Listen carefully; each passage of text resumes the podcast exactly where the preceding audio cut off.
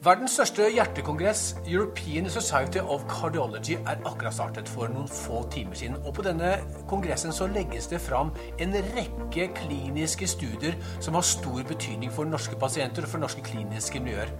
Og den aller første studien vi skal snakke om, det er en studie som reduserer risikoen for død og sykehusinnleggelser hos hjertesviktpasienter ganske radikalt. En veldig spennende studie.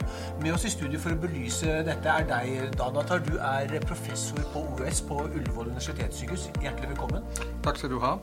Ja, Det er veldig interessant å, å ha litt fokus først på Emperor Reduced, den studien som eh, ble gjennomført hos en hjertesviktspopulasjon. Og i seg selv er dette allerede oppsiktsvekkende, for, for denne empaglifrosin Jeg kaller det nå bare EMPA. Mm. EMPA er jo faktisk diabetesmedisin. Det er en pille som nedsetter blodglukose hos eh, mm. type 2-diabetikere. Mm. Så hvordan i all verden kommer det til at en studie bare har plukket hjertesviktpasientene? Eh, mm. Jo, det var fordi vi for noen år siden allerede hadde en indikasjon i den såkalte Empareg-studien at hjertesvikt kunne bli nedsatt hvis man behandlet med EMPA, eh, uansett om pasientene da hadde eh, diabetes eller ikke. Og Det var da bakgrunnen for at Emperor Reduced rekrutterte pasienter med ganske betydelig hjertesvikt, og ikke nødvendigvis diabetes. Mm. Når jeg sier betydelig hjertesvikt, så var EF i gjennomsnitt eh, 31 Det kaller vi betydelig eh, redusert, derfor reduced. Mm. Eh, og vi har jo en parameter som vi ofte måler for å gi et eh, et tall på hjertesvikts alvorlighet. Det er her, de her natriuretiske peptider. Eh, NT på BNP i den studien var nokså høy. Jeg tror 2800 mm. nanogram per mil. Mm. Så en alvorlig syk hjertesviktspopulasjon, randomisert til EMPA mm. eller placebo, mm. så var oppfølgingstiden i gjennomsnitt 16 måneder. Og resultatet, jeg vil si veldig solid. Mm. Du har altså, som du nevnte, 25% relativ risikoreduksjon i det primære endepunkt. Ja. Kardiovaskulær død og, og hjertesviktsinnleggelser. Mm.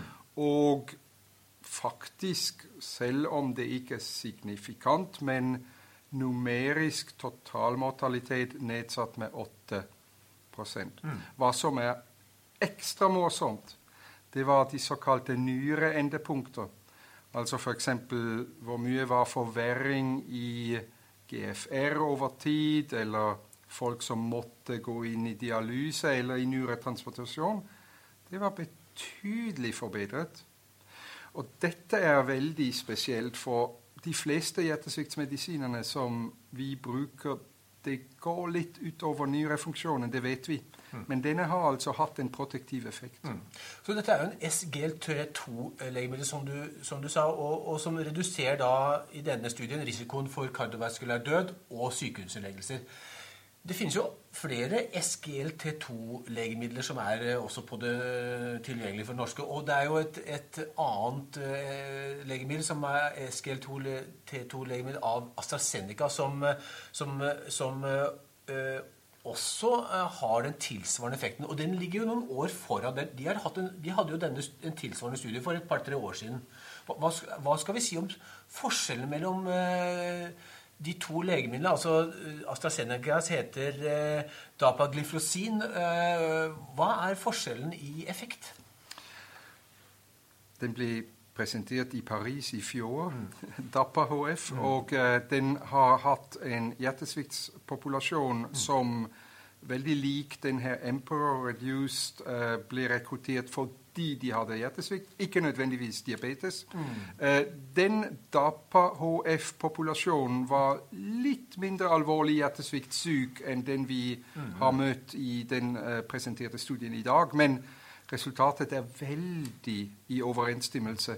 Altså De to studiene har f.eks. begge hatt og Det er litt tilfeldig, men begge hatt primært endepunktreduksjon på 25 relativ risikoreduksjon for kardiovaskulær død og hjertesviktinnleggelser. Mm. Og da, da, er det jo slik at det er veldig nærliggende å se for seg at dette er en effekt som gjelder for SGLT2-hemmere ja, i prinsippet. Mm, ja, ja. Som, som fellesmekanisme. Så, så, AstraZeneca fikk jo eh, godkjenning fra FDA nå her i mai nettopp for denne indikasjonen som, eh, som, vi nå eh, har hørt om, eh, hvor, hvor da epagliflosin har fått, har fått studie for nå på, på, Hjertekongressen. Så de ligger jo litt foran. Men, men, hva tror du for de norske pasientene og, og, for dere klinikerne? Når er det dere får tilgang til denne SGL2-gruppen til behandling av pasientene? Ja, Det blir jo interessant å se hvordan implementeringen blir i, i klinisk praksis. Det avhenger i høy grad for, på, som du sier, på, på godkjenningen mm. i den indikasjonen. fordi mm. Pillene er jo på hyllen, men for en diabetesindikasjon. Ja. Så vi gleder oss jo til å kunne bruke um, SGLT2-inhibitorer i hjertesviktspasientpopulasjonen. Mm. Mm. Men jeg må peke på en utrolig spennende ting som Eh, Marco Metro presenterte i EEC-kongressen som eh, discussant etter presentasjon av Emperor-studien. Mm. Og det var Hvis vi nå går og tenker oss at de hjertesviktspasientene som trenger behandling med redusert uh, eh, LVEF Hvis de hjertesviktspasientene nå tenkes å bli skiftet fra den opprinnelige standardbehandling. Som er betablokker, mm. ACE, eh, hemmer-arb og MRA, mm. mineral- og kortikoidantagonister. Hvis vi skifter dem til det som heter ARNI, altså sakubitril, valsatan eller Entresto, pluss en SGLT2-hemmer, mm. ja, men så går mortaliteten vanvittig ned. Mm. Altså, vi snakker om eh, flere titalls reduksjoner av mortalitet. og det det, det, er en, det, er en, tanke som vi i vårt kardiovaskulære miljø må ta med oss. For mm. jeg tror det er et viktig poeng at det blir implementert i praksis. Hvor mange pasienter er det eh, per år som er relevante for behandling med SGLT2-hemmere? Vi vet det ikke enda, men uh, vi har jo omtrent 120 000 hjertesviktspasienter i Norge. Mm. Og uh, hvem som da blir plukket ut. Det må vi se litt i detaljene, hva mm. eksklusjonskriteriene har vært for rekruttering i både DAPA-HF-studien og Emperor-studien. Mm, mm. Det kommer vi tilbake til. Veldig spennende.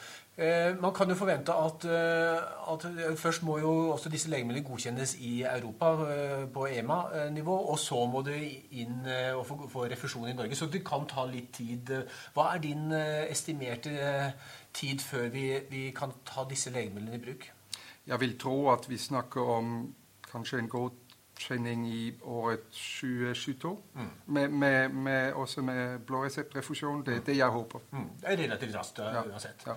Eh, bare helt til slutt, Donatar. Eh, du var inne på det selv. Eh, det går jo også studier nå på disse SGLT2-legemene på nyresviktpasienter.